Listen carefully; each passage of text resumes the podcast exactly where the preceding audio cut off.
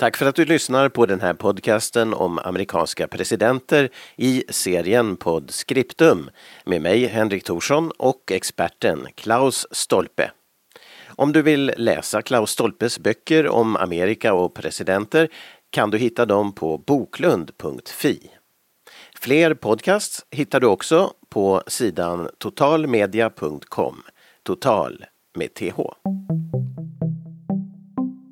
Ladies and gentlemen, our national anthem. Mr. President, I, John Fitzgerald Kennedy, do solemnly swear I, Barack Hussein Obama, do solemnly swear. So help me God. Free at last! Free at last! Thank God Almighty!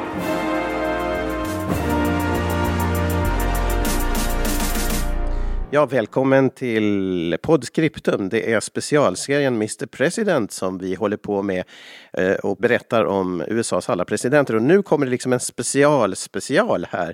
För vi ehm, fastnar ju lite i historien när vi eh, håller på så långt tillbaka. Men idag ska vi faktiskt flytta oss ända fram till nutid helt plötsligt. Och med oss som vanligt är våran eh, expert Klaus Stolpe. Hej och välkommen! Tack så mycket, hej! Jo, eh, vi ska alltså flytta oss framåt eh, och rubriken som du har satt på ett föredrag som du kommer att ha på Vetenskapskarnevalen i Vasa till helgen och när du som lyssnar kanske lyssnar på det här senare så har det redan varit men eh, nu är det i alla fall på lördag framför oss när vi spelar in det här. Då, den rubriken den är Från Trump till Biden och Harris. En översikt. Vad, helt kortfattat, vad är det för någonting som du ska berätta om? Ja, det där är ju ett um, arbetsnamn som jag har på en, en ny bok som jag då håller på och Mm. försöker få igång. Om boken sen heter så eller någonting helt annat återstår ju att se. Men det har ju att göra med den här boken Trump och hans värld som jag gav ut inför julen. Inför julen 2020 då Trump precis hade förlorat valet och det är ju inte så mycket spännande efter det så att det är kanske på sin plats med en, en uppföljning. Jag menar den där boken jag skrev så har jag ju inte ens med den här stormningen av Kapitolium och allt vad som har hänt, hänt efteråt. Nej, den, den förra boken, ja just det. Men precis ja, så att, att därför så känns det ju angeläget att, att komma, med en, komma med en uppföljning till, till det där och eh, det är liksom sånt som jag tänkte spåna lite kring. Det är ju, de är ju ganska korta de där föredragen på, på den där vetenskapskarnevalen så att det är ju det, är ju det här bara att försöka få med så mycket som möjligt på den där stunden man har till sitt förfogande men att det kan ju vara kan ju vara intressant, intressant det också helt enkelt. Så att det, Ja, det känns lite syndigt nästan att hoppa från våran... Nej, vi, vi är ju så långt tillbaka i historien i själva verket, men det är egentligen inte någon som lyssnar som vet det. Men, eh, att vi nu hoppar fram till nutid, men det är desto viktigare eftersom nutiden är nutiden. Så, eh, det är väl viktigt. Men berätta, eh, när det gäller eh, det här året som har gått, alltså jag ska nämna det att vi har också gjort poddskriptum avsnitt under valkampanjen eller slutet av den och till och med när Trump förlorade till Biden så gjorde vi några intervjuer och samtalade faktiskt fyra stycken. Så det finns att lyssna på dåtid under nutid, dåtid. Men nu då, ett år efter, om man sammanfattar, vad du sa att det har hänt mycket. Är du eh, överraskad? Är du, trodde du att det har utvecklat sig så här? Har det, har det varit så spännande? Har det inte varit ganska kvalmigt egentligen? Eller? Mm, nej, egentligen inte för att det, det är som om massmedias intresse så har avtagit över vad som har hänt där efter, efter valet, efter den där stormningen av Kapitolium, efter att Trump ändå frikändes av, av, av det här, den här riks, riksrätten eh, då han blev ställd inför den en, en, en annan gång. Sedan har det varit mindre, mindre uppmärksammat men att det, det händer liksom någon stup i ett därför att eh, det som jag märker då man talar med folk eller de, de, de reagerar på ifall jag haft någon kolumn i, i, i Vasabladet, de är förvånade. Jag berättar att, att Trump är fortsättningsvis den här överlägset mest populära presidentkandidaten bland, bland republikanerna ifall han skulle välja att ställa upp på nytt 2024. Att han är så pass överlägsen i nuläget så att skulle han avisera att han står till förfogande så misstänker jag att det är både en och annan som sådär i övrigt skulle kunna tänka sig att ställa upp som, som står tillbaka och väntar på sin tur 2028 i, istället. Så att det är ganska speciellt det där hur, hur Republikanerna fortsättningsvis är Trumps parti. Ja, verkligen. Men har, har det stärkts under sista tiden till och med? Ja, alltså nog, inte har det blivit direkt svagare i alla fall. Att klart, det är en del som ser honom som en, som nå, någonting som är ett passé, och, men att det skulle vara fullständigt unikt ifall han skulle gå och vinna sen mm. Eh, näst, nästa gång. Eh, okej, okay, vi var ju inne på det här med med historien, historiens vingslag och sånt, att det finns ju faktiskt en, en enda president som har först blivit vald och sen förlorat och sen kommit tillbaka, Grover Cleveland. En, en demokrat som valdes han hade, tre, han hade flest röster tre val i rad, 1884, 88 och 1892. Men 88 så förlorar han mot en som heter Benjamin Harrison. Och, eh, och sedan så, så, så kommer han tillbaka fyra år senare. Men där var det ju intressanta då också, eller allting är ju intressant kring det där eftersom det är ingen annan som har upprepat den, den bravaden så att eh, Cleveland hade ändå flest röster alla de där tre gångerna. Men Trump har ju inte haft flest röster vare sig då han vann eller då han förlorade. Nej. Och det är ju fullt möjligt då att han skulle vinna, vinna på nytt 2024 utan att ha flest röster då heller. Och, och nu är det ju det att, att de som lyssnar på det här så att jag menar en del så är väldigt insatta och andra så lyssnar mer av förströelse kanske men att det är ju kan ju vara skäl att upprepa detta att det är ju inte det är ju inte så att flest röster i landet som helhet avgör utan man får ett visst antal elektorsröster från varje delstat och den som vinner i en delstat så får alla elektorsrösterna därifrån. Och då blir det ju lätt så att det, det finns vissa sådana delstater som är, är tungan på vågen helt enkelt. Så att det är, det är rätt många amerikanska presidentval som det har varit väldigt nära att gå helt annorlunda bara på grund av någon enstaka delstat helt enkelt. Så att, att det är ju ett väldigt anmärkningsvärt valsystem de har som ju har att göra med den tidsanda som rådde då konstitutionen skrevs i slutet på, på 1700-talet. Ja, och, och, lite av det har vi tagit upp i vår serie Mr President också i de tidigare mm. avsnitten och vi mm. kommer förstås återkomma till Cleveland också sen. Men um, för att backa då lite grann um, den som blev då Demokraternas representant, eller presidentkandidat förra året, det var ju eh, Biden då.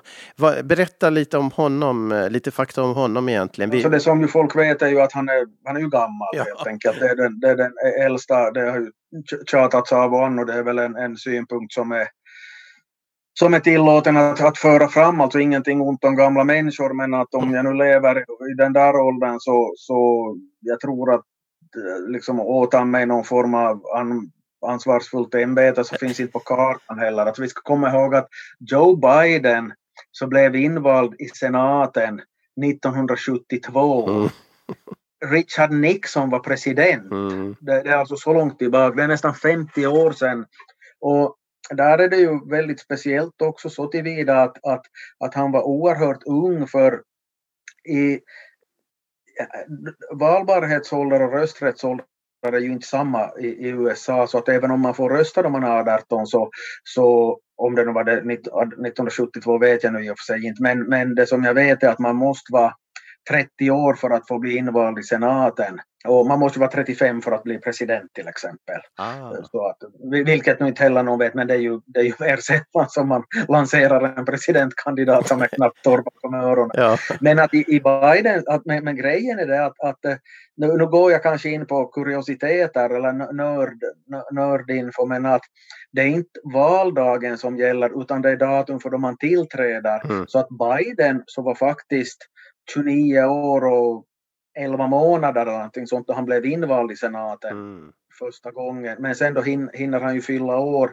före, för att valet är ju i, i, i början av november och, och de tillträder i, i, en bit in i januari så att han fyllde då i, ja, någon gång i december eller när, när det var så att ah, eller, alldeles i slutet på året så att han fyllde så att det, det var inte något snack om saken att han, han var nog tillräckligt gammal för att få ställa upp i det där valet men att det var det, i och med att det inte det är inte valdagen som, val, åldern på valdagen som avgör utan på, på den dag då du ska sväras in i detta ämbete helt enkelt. Ja, Vilket ju kan tyckas vara lite, lite, lite lustigt därför att vi är vana med ett annat, vi är vana med ett annat system Ja. helt enkelt. Jo, jo.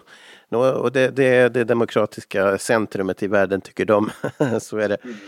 Det var ju dessutom oerhört tragisk inramning för att han var ju då ung och nygift eh, trebarnsfar och eh, innan han ens eh, hinner då påbörja det här arbetet i senaten så är hans fru och alla barnen är ute och köper julklappar Mm. och blir, jag tror med, med trafikolyckan, blir rammade av en lastbil helt enkelt. Ah. Så frun, frun och dottern dör så han blir, han blir alltså enkling Ja. då ett, ett, tre och eh, med, med två, två små pojkar och, och det här han, han eh, överväger ju då att helt enkelt avstå från den där senatsplatsen för att fokusera på, på barnen så Mm. att han, men han blir övertalad då att åta sig det där i alla fall men där har han ju den tur i oturen i den tragiken att han var från från en delstat som nu var så nära Washington DC så han kunde ju liksom pendla. Det skulle varit annat om han skulle ha bott i, ja, no, nästan vilken annan delstat som, som säg att han skulle ha bott i Kalifornien eller, eller Minnesota eller något sånt skulle det ha varit, varit det här um, totalt hopplöst. Men att det där så, så körde han med sen och sedan då så, så satt han ju i, i senaten i, i, det här, vad blir det då, 36 år och, eh, och då blev han efter det så, så att han skulle fortsatt i senaten annars men det, det är ju i och med att han blir vicepresident åt Barack Obama då som han som han helt enkelt lämnar sin post i senaten så att mellan, me, mellan 1972 och 2016 så är han ju liksom verkligen på synliga poster i, i USA. ja, imponerande verkligen. Ja, det, det, det, det. Men och, och sen då valet av vicepresident, det, är väl, eh, det sker ju lite senare men, men, men det är klart att det var lite anmärkningsvärt val också, eller vad ska man säga om henne då? Som, Jo, då, det, det, det, var ju, det var ju helt klart att, att det, det ansågs i och för sig rätt självklart att, att han skulle ha en kvinnlig vicepresident. Ah, det, det det. diskuterades länge, länge i förväg att, att det skulle vara läge helt enkelt att, att föra fram någon, någon sån eller vicepresidentkandidat ska jag väl säga. Mm, Men då, då var det ju också, kom ju den här frågan om etnicitet in i bilden, att, att eh, vem, vem, ska det, vem ska det bli? Och eh, det spekulerades kring en, en mängd olika namn självfallet. Eh, själv hade jag lite tänkt mig att det skulle vara den här Gretchen Whitmer som är guvernör i Michigan. mm, Just i och med att, att, att, det, att det var så ovisst i just Michigan och de där, alltså det vill säga de här delstaterna där runt de här stora sjöarna uppe på gränsen mot Kanada. mm, Men eh, och Harris så är från Kalifornien och det var ju en delstat som alla visste att Biden kommer att vinna i alla fall men att hennes, hennes helt enkelt etniska bakgrund och så, så, så passar väl in i sammanhangen. Nu är hon ju då inte alltså slavättling utan men föräldrarna var invandrare helt enkelt. mm. Jamaicanska rötter från pappan och, och indiska från, från, från mamman. Mm. Men, men eh, var, hon, var hon i faggorna? Var hon i, liksom, talades det om henne redan innan valet gjordes eller blev det en överraskning? Nej, det var nog väntat i, Mhm. i det skedet för Ja, ja. att, eh, att hon, hon hade ju figurerat i, före de där primärvalen börjar, Eh, det vill säga det här då man utser presidentkandidater, så då, då var hon ju med där. Men att sedan innan de sparkade igång de här formella förvalen eller nomineringsvalen, primärvalen vad vi vill kalla det, så hoppade hon av för att hon tyckte väl att hon hade lågt stöd i gallupundersökningarna och, och hade inte så stor kampanjkassa heller. Så att, Mm att i, i, vad blir det, någon gång, jag tror, jag, tror, jag tar bara ur minne, men att var det nu i december 2019 då så meddelade hon att hon inte ställer sig till förfogande och sen börjar man ju med de där primärvalen där i februari, mars, Just just precis före coronapandemin slog, slog till. mm. Så att hon var, hon var ju nog ett sånt här känt namn även i våra massmedier.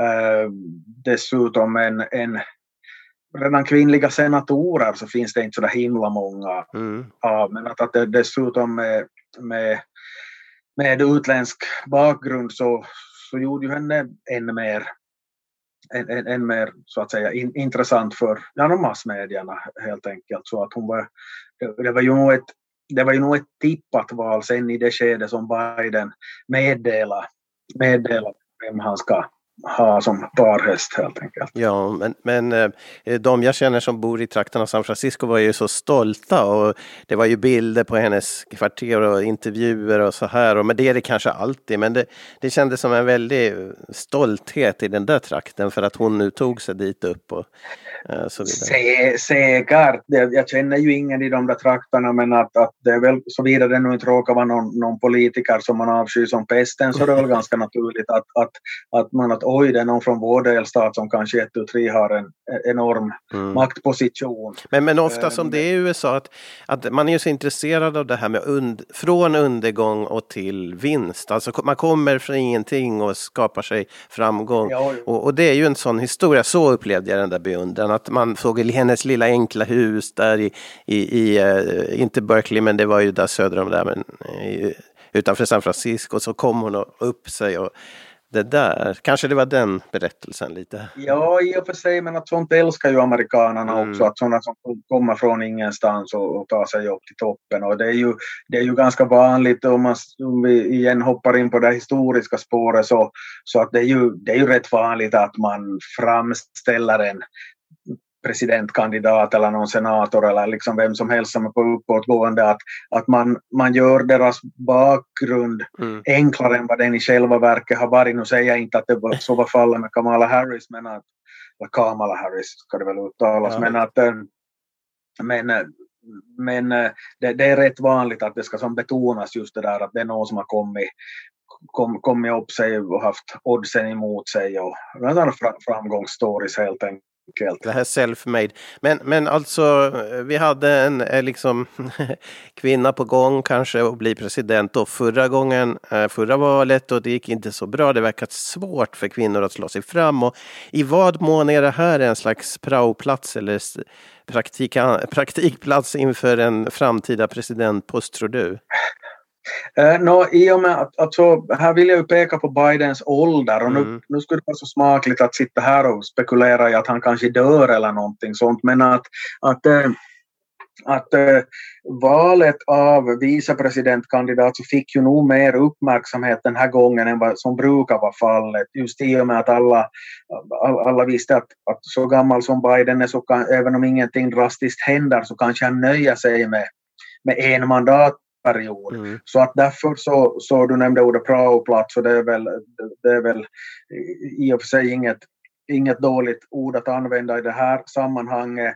Men äh, jag trodde ju att hon skulle vara mer synlig helt enkelt. Mm. Att, att hon skulle som coacha sin... Jag tänkte att oberoende, nu, oberoende vem Biden tar som sin vicepresident så är det någon som ska coachas in till presidentposten inför 2024. Mm. Men faktum är att hon har nog varit mindre synlig än vad, än vad jag hade förväntat mig. Jo. Och troligen, för att inte har hon ju synts, synts så mycket i, strängt taget efter, efter valet egentligen. Mm. Um, men, och, men du har eh, sagt också tidigare när vi pratar 1800-tal också att, att vicepresidenten äh, äh, alltid är, liksom, eller inte har så mycket att göra. Så, eller hur nej, du uttryckte det, det. Det, det, det, är helt sant alltså att de brukar vara rätt, rätt osynliga men att, att det var ett ganska rimlig, en ganska rimlig gissning att det skulle vara annorlunda den här gången.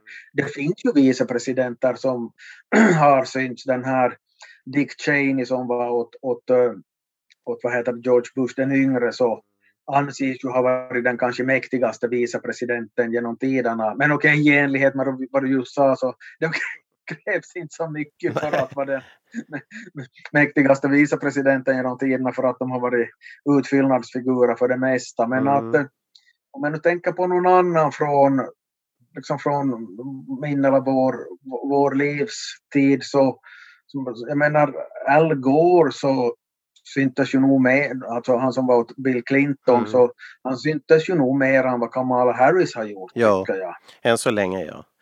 Eh, men, men vet man, alltså har du eh, snappat upp någonting kring den delen? Om, om är det något uttryck för något? Eh, till exempel att det kanske inte är så passande miljö för henne. Hon är, hon är jurist från, från den delen och, och förstås senator var hon väl också. Men hon har ju varit i det här svängen. Men, men att, eller är det bara det att hon är vicepresident som är osynlig? Det brukar de vara. Eller vad tror du? Har, du, har du hört något snack? Det, det är ju spekulerats i att, att, att de inte skulle komma så bra överens som de så, så, och, och, eller att det finns andra kretsar inom Demokraterna som ogillar henne av någon anledning mm. och, och, och, så vidare. Kan ju ännu lägga till utöver det som vi har snackat om här att, att uh, den bild som jag har av, av då Biden själv var vicepresident så var att även om han kanske inte syntes extremt mycket så, så var han väl nog förtrogen med allt vad Obama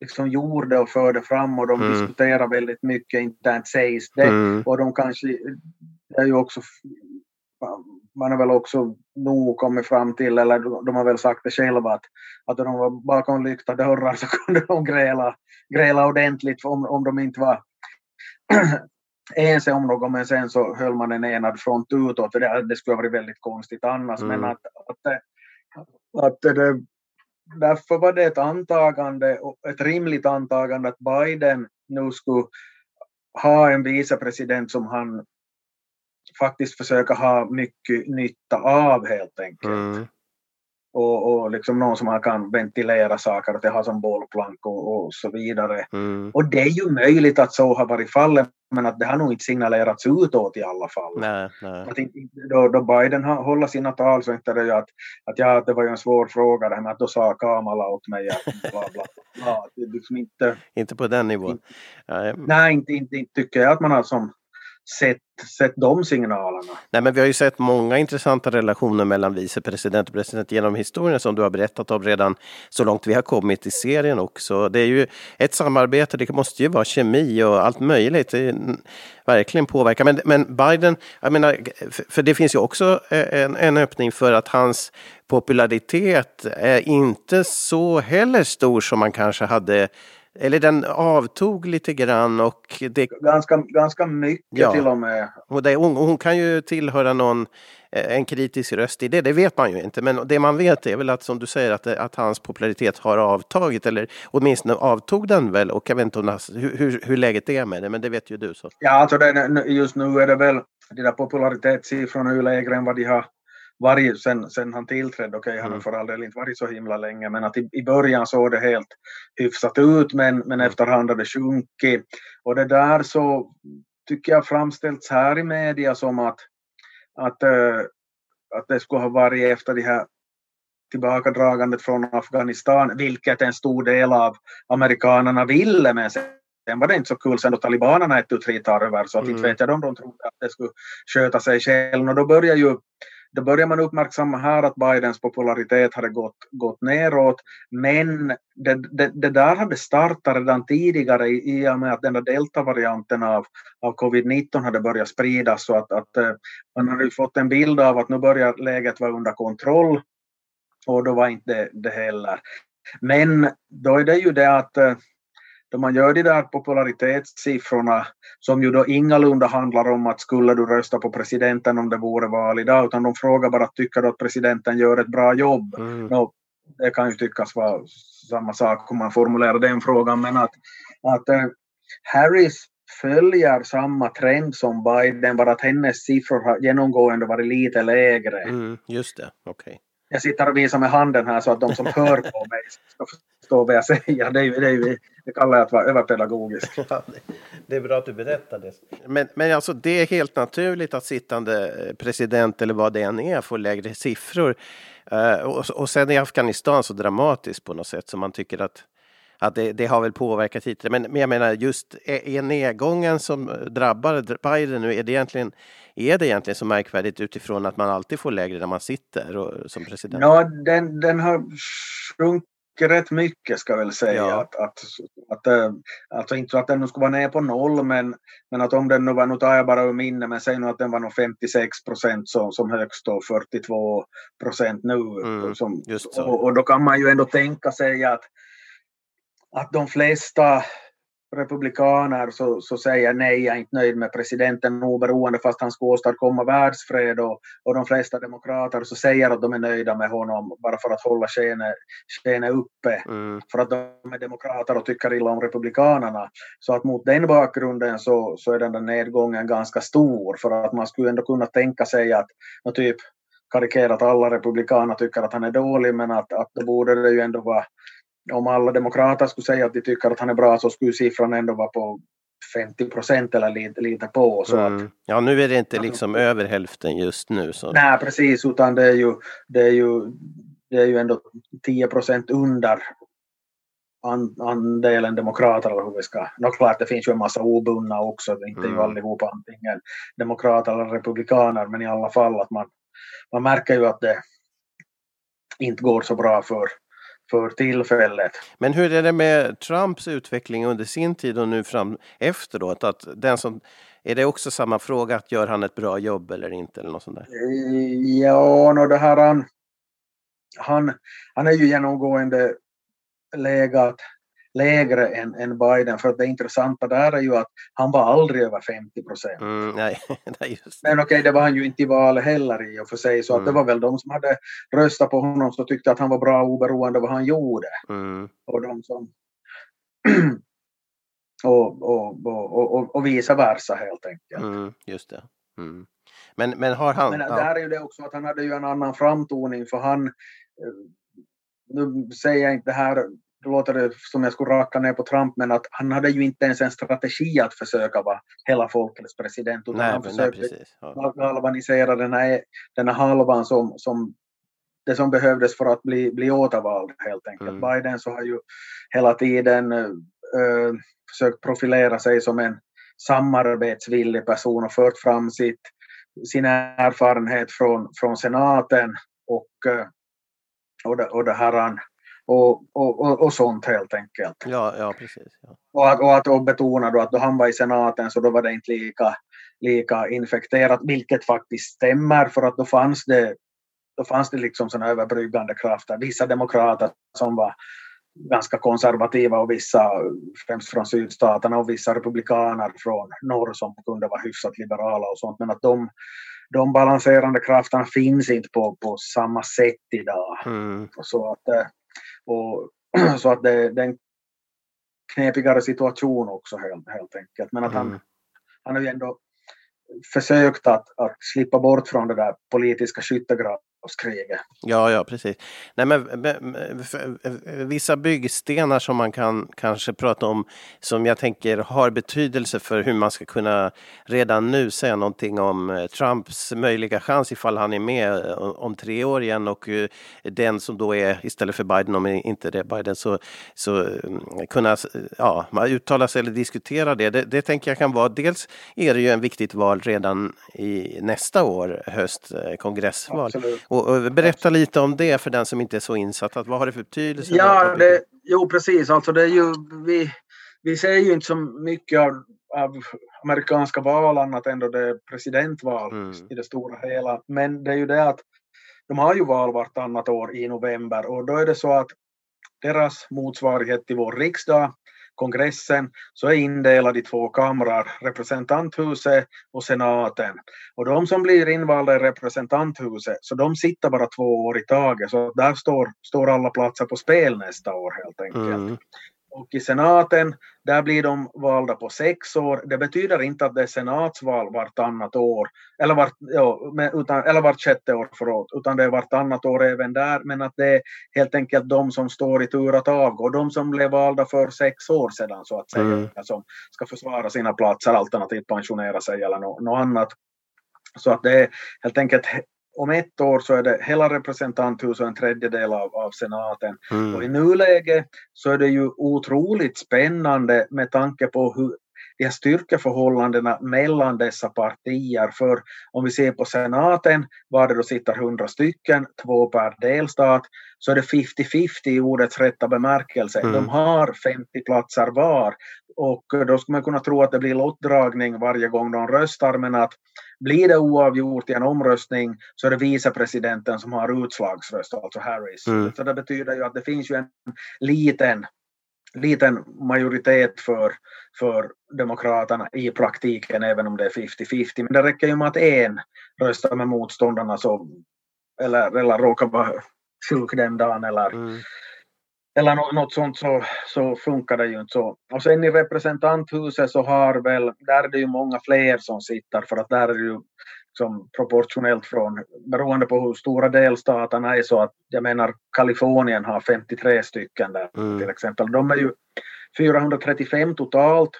Det finns en liten, liten majoritet för, för, för Demokraterna det är, väl, är det nu 222 mot 213 för tillfället mm. så att det mm. skiljer nio platser om jag, om jag minns rätt. Jag tar det här ur minne, ni får ursäkta ifall jag säger lite fel. Mm. Och så att den, den är oerhört knapp, den, den majoriteten för Bidens parti. Mm. Och då ska vi komma ihåg att historiskt sett så är det nästan alltid så att presidentens parti backar eh, i, i, i de så kallade mellanårsvalen, midterm elections kallas det på engelska, mellanårsval brukar man väl mm. säga här. Mellan, mitt i perioden val blir det väl om man, om man det vill säga syftar på att presidentperioden har kommit halvvägs. Så att om den trenden följs så, så tar, ju, tar ju det här republikanerna över åtminstone representanthuset. Jag påstår inte att det går på det viset men att, att det ligger väl en, finns väl en del som talar för, för det och, och då mm. betyder det ju också att, att presidenten är ju ingalunda allsmäktig. Mm. Utan det, det, är ju, kommer han med något lagförslag så ska det ju röstas igenom. I, han ska ju ha pengarna någonstans ifrån för att genomdriva någon motorvägsbyggen eller no, no, no, någonting sånt. Och, och mm. då, då är det ju svårt om inte man har hittat något stöd bland de här lagstiftarna helt enkelt. Men, men är det möjligt att han då nästa år förlorar båda kamrarna? Det, det, det, det är möjligt. Att, är det stor för, risk? Lite? Äh, no, åtminstone representanthus med den där historiska trenden. Mm. Sen så skulle man ju tycka att, att den där positionen i senaten skulle vara ännu, ännu mer i vågskålen eftersom det är 50-50 där. Där är det då en sån sak som kommer in att de som står i tur att avgå, så det är ju de som blev valda 2016, det vill säga då Trump blev president, så att det, det är rätt många republikaner, så att, att av de där platserna som, som som står på spel i senaten nästa år så är det ganska många republikaner. Ja. Så, att, att, att, så att det, är liksom en, det ger en praktisk fördel för demokraterna att de behöver bara, bara och bara men att skydda de där 12, 12 mandaten som de har och, och ta någon till. Mm. Att, att det finns, finns ett större spelrum där men att det, det är alltså fullt möjligt att att republikanerna sitter på, på makten i bägge, bägge kamrarna efter, e-, e-, efter valet i början av november nästa år. Och då, då blir det ju naturligtvis så blir det ju jättesvårt för, för Biden sen att, att få igenom någonting. Men hur är läget nu? Man har följt med kanske lite dåligt, och man, men man har märkt att aha, nu blev det visst något positivt besked när det gäller något stort paket. Men, men hur är läget just nu? Har, har han, kan han föra sin politik? Har han fått klart eh, grönt ljus eller är det fortfarande stopp? Eller? Ja, det som är det, som är det här det som du syftar på då är ett sånt här infrastrukturpaket eller vad vi ska kalla det, det vill säga en jädra massa pengar för brobyggen, vägar, förbättring av internet och, och, och en massa sånt. Mm. Uh, och det där så, så gick igenom nätt och jämnt och det visar ju på sprickor i bland demokraterna för att det var en del demokrater ute på vänsterkanten som var kritiska för de tyckte att det var liksom för lite, att det borde satsas mera. Och sen var det en del republikaner som tyckte att ja men vad fasen, vi behöver ju bättre vägar och hela, hela det här köret. Och, eh, det, så att, eh, men det där paketet så för att få igenom det så prutades det ner ganska ordentligt för att fast det var enorma, enorma belopp det var frågan om så att Biden fick inte igenom sitt ursprungliga förslag för att, utan det, det, det prutades på helt enkelt. Mm. Ja, just det. Det, det, visar ju också på att, att den där, eh, hans position skulle vara enklare ifall, säg nu att det skulle vara 55-45 i senaten och, och, att de skulle ha en, en, en övervikt på 40 platser i representanthuset istället för 9 eller Mm. något sånt. Så att, att en, en, en no, vem, vem som helst som följer, föl- följer med, man behöver, man behöver inte följa med amerikansk politik, det räcker med svensk eller finsk så vet man ju att om det det är en stor skillnad om den där majoritetsställningen är väldigt skör eller om, eller om man har många platser till godo och helt enkelt har råd att, att tappa någon som är sur. Ja, ja precis. Ja. Men eh, två, två till byggstenar i det här att analysera hur kommer det att utveckla sig. Eh, kan det vara en byggsten, liksom hur det här landet ser ut kulturellt? Alltså, eh, vi, ibland förstår vi oss inte på dem och du hjälper oss att förstå deras syn på demokrati i konstiga valkretsar och allt möjligt. Men kulturellt sett, eh, eh, en bland, alltså det här mixlandet, folk från alla möjliga håll och bakgrunder och vad, vad, vad kan man säga om det här?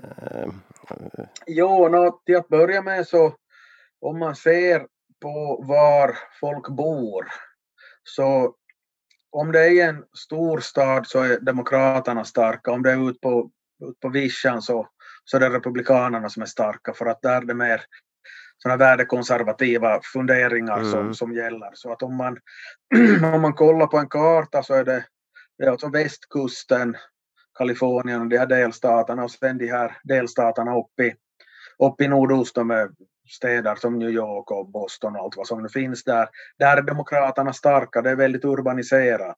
Sen om vi söker oss ner till de här gamla slavstaterna i sy- södern, Alabama, Mississippi, Louisiana, Texas och så vidare. Alternativt då en bit inåt landet i de vilda västern-delstaterna, Wyoming, Montana och där så där är då igen republikanerna som dominerar lika mycket. Jag kan, jag kan ta ett exempel från det här senaste senaste valet, då, alltså i samband med att Biden blev vald till president så var det då följaktligen val till val till representanthuset också till alla platser. Och det var någon, någon valkrets i, i Bronx i New York där Demokraternas kandidat fick väl något, jag vet inte, 70-80 procent eller kanske inte 80 men säg nu 70 procent så det var inget snack om saken. mm, Och likadant mo- motsvarande den mest överlägsna segern för Republikanerna så var i någonting som kallas för the Texas Panhandle. Och det där är väldigt lätt att hitta på en karta för att, att eh, Texas ser ju lite grann ut i formen som någon slags gryta eller kastrull med ett handtag mm, på, på sidan högst upp. Och det, det kallas för Texas, Pan, Texas handtag helt enkelt. Och där var det där, där fick Republikanernas kandidat alltså, rubbet Mm. liksom. Så att, eh, så att det är sist och slutligen av de där 435 platserna så det är ganska få där det Alltså det är en väldigt lit, rätt liten andel där det är något snack om saken. mm, Därför att de, de dominerar men de dominerar på olika ställen. mm, Alltså de, de, de dominerar turvis ska jag väl säga, men på olika ställen. Och eh, då blir det ju också att den där politiska diskussionen måste ju bli ganska snedvriden om du bor i en delstat var, eller i ett valdistrikt var alla röstar, röstar likadant Mm. så, så kommer den andra, andra synsättet knappast till tals. Nej, det blir väldigt grundmurat egentligen. Man, ja, jo, jo, som, som är så- så typiskt för Amerika, som, samtidigt som där finns en mix av så mycket. Det, intressant. för att alltså den här, det tydligaste exemplet så är en, en, en dam som sitter i, i, i representanthuset som heter Marjorie Taylor Greene. Mm, Och hon, hon liksom tror ju på alla möjliga sådana konspirationsteorier. ja, det- just det. Ja. Mm. och, och hon, är, hon är från Georgia och verkligen inte från Atlanta eller någon sån där större ort utan hon är från riktigt som bushen helt enkelt. Mm. Att, eh, men väldigt, väldigt ruralt valdistrikt då. Det här senaste så var att, att eh, då de, vi nämnde, vi talade ju nyss här om den där det där infrastrukturpaketet som, som man fick igenom i representanthuset. Det var ju alltså en idé som, som hade förts fram redan under Trumps tid Mm. att man borde satsa mer på vägar och sånt men man hann inte få igenom det och nu sjösatte man den där, det där som Trump hade iscensatt men nu var det ju då Demokraterna som, fick lägga fram det och då var det ju inte så roligt så att det var ju det var ju då var det nu sju republikaner som röstade för det där paketet Mm. varpå den här Marjorie Taylor Greene så går ut då och kallar den för landsförrädare och gud vet vad Mm. och, och publicerar deras privata telefonnummer. Aj, aj, aj. Ja, just Det, det, det är ju schysst. Nej, men det är... Ja, jag, jag antar att de har bytt de där telefonnumren redan i och för sig men att det är ju, det är ju jag menar det finns ju inte så mycket ja, hos den kvinnan så finns det väl inte så mycket framförhållning men att jag Mm. menar det är ett exempel på folkets röst att hon har blivit vald med bullar och brak från, från sitt valdistrikt så att Mm. tydligen tycker de nog att hon är den den bästa de har att, att, att lägga fram där. Men när det gäller polariseringen mellan partierna, kan man, hur, hur beskriver du dem liksom eh, när du talar om republik- republikaner och demokrater, att var de hör hemma, vad de har för, för, för eh, viktiga frågor eller sådana här saker? Ja, men att om man, om man träffar en amerikan som är eh, för dödsstraff och mot abort och tycker att man ska ha så låga skatter som möjligt och, Mm. och att det är helt okej att ha, ha en massa vapen hemma.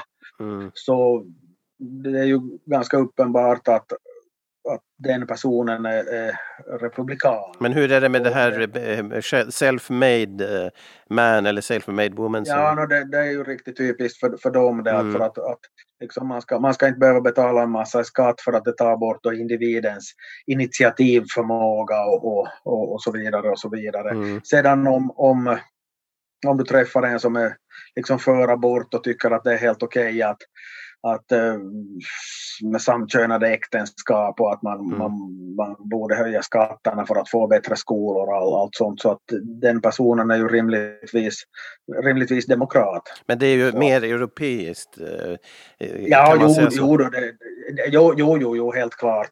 Sen så ska man ju inte missförstå det där och tro att Demokraterna är något regelrätt vänsterparti Mm. för att skulle man plocka, plocka ut Demokraterna och placera in dem i Finland eller Sverige så skulle det helt klart vara ett högerparti och även bland Demokraterna så det, det är liksom okej att tycka att, att dödsstraff är acceptabelt under vissa omständigheter Mm. och, och, och, sånt. Och ändå begränsat statligt stöd till vård. eh, Och vi, jag menar hela skatter och allt det där, det, det är inte jättestort eh, stöd för det, men det finns ett i alla fall, är det så? Liksom? Jo, jo då, alltså, eh, jag tror ju knappast att de skulle vilja ha, några speciellt många demokrater skulle, skulle vilja ha de skattesatser som vi är vana vid, men att, därför att vi är vana med dem, men de är inte helt enkelt. Så att, Mm. att, men så att där, därför blir ju den här den här diskussionen ganska konstig då, då man från demokrathåll, eller vissa från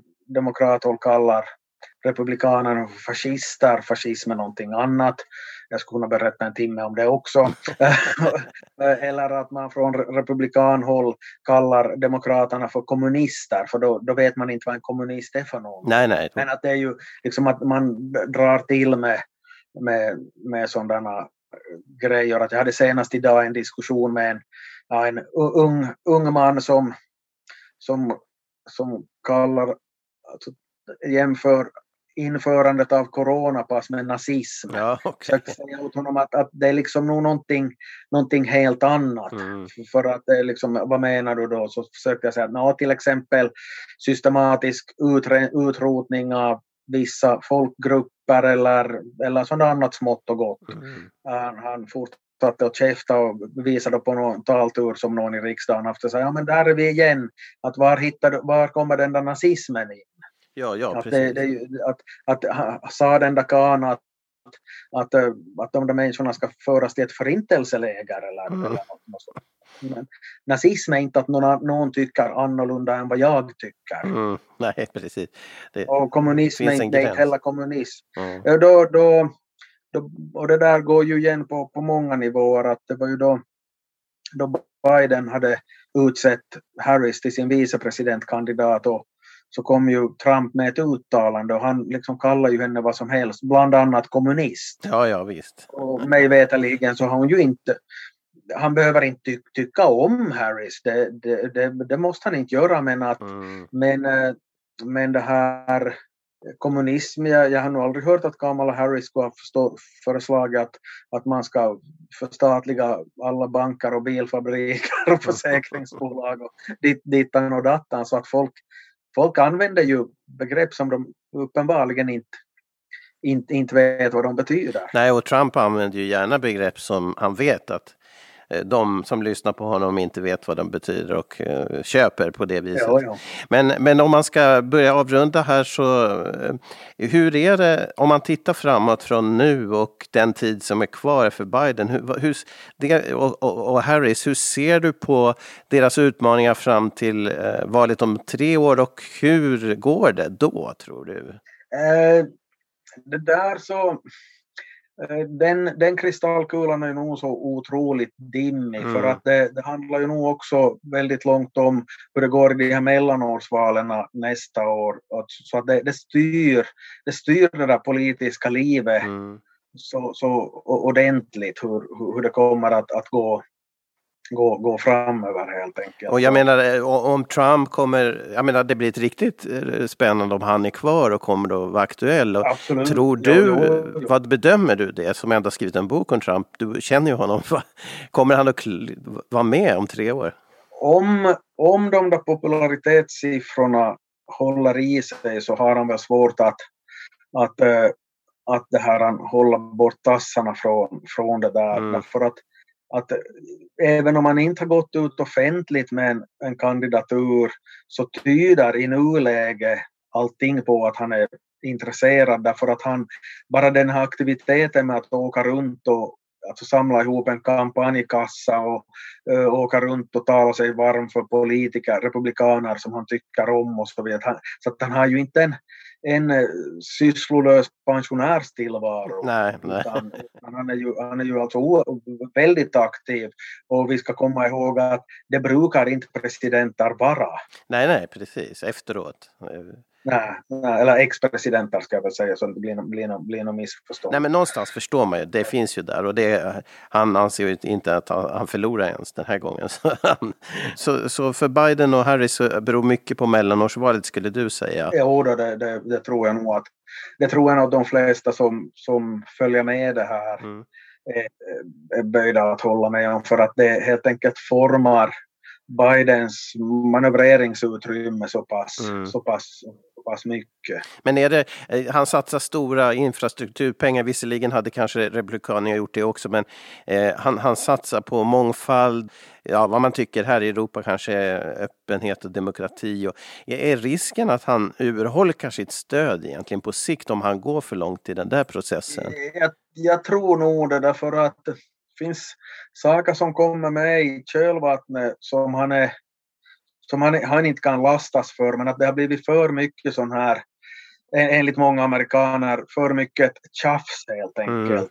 Och uh, det här senaste exemplet som, som jag först trodde att det här är något, jag, jag måste ha missförstått det här så jag var tvungen att börja googla, men att det var det finns ett jättestort vad heter det, museum i Chicago var de har haft 82 guider som har jobbat gratis och det är inte bara det, utan de har utbildat sig, de har gått, gått på kurs eller skolning två gånger i veckan under 18 månader för att få jobba gratis som guider. Ja, just det. De fick, de fick, spark, de fick sparken. Ja. Och orsaken, orsaken var att de var för vita och för rika helt enkelt. Därför att det var ju övervägande det, vem har tid att, att skaffa en sån där utbildning och, och sen jobba gratis? No, svaret är ju uttråkade hemmafruar som har en rik kar helt enkelt mm. om vi mm. karikerar det. Så att det var ju, okej okay, så tillvida så fyllde det väl alla tänk, tänkbara eh, krav på kvinnlig representation att det var främst det var väl rätt långt kvinnor det handlade om, men att, att det, var, det var alltså klart uttalat att de var för,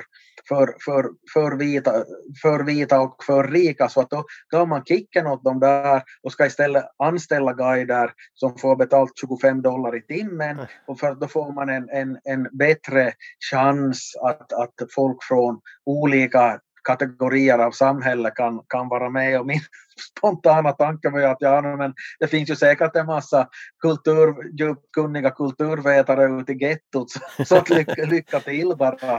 Men att, att det är ju, och jag tror väl att Alltså nu förstår jag väl att tanken är god Mm. och, och så vidare. Inte tror jag nog någon har gjort det av elakhet.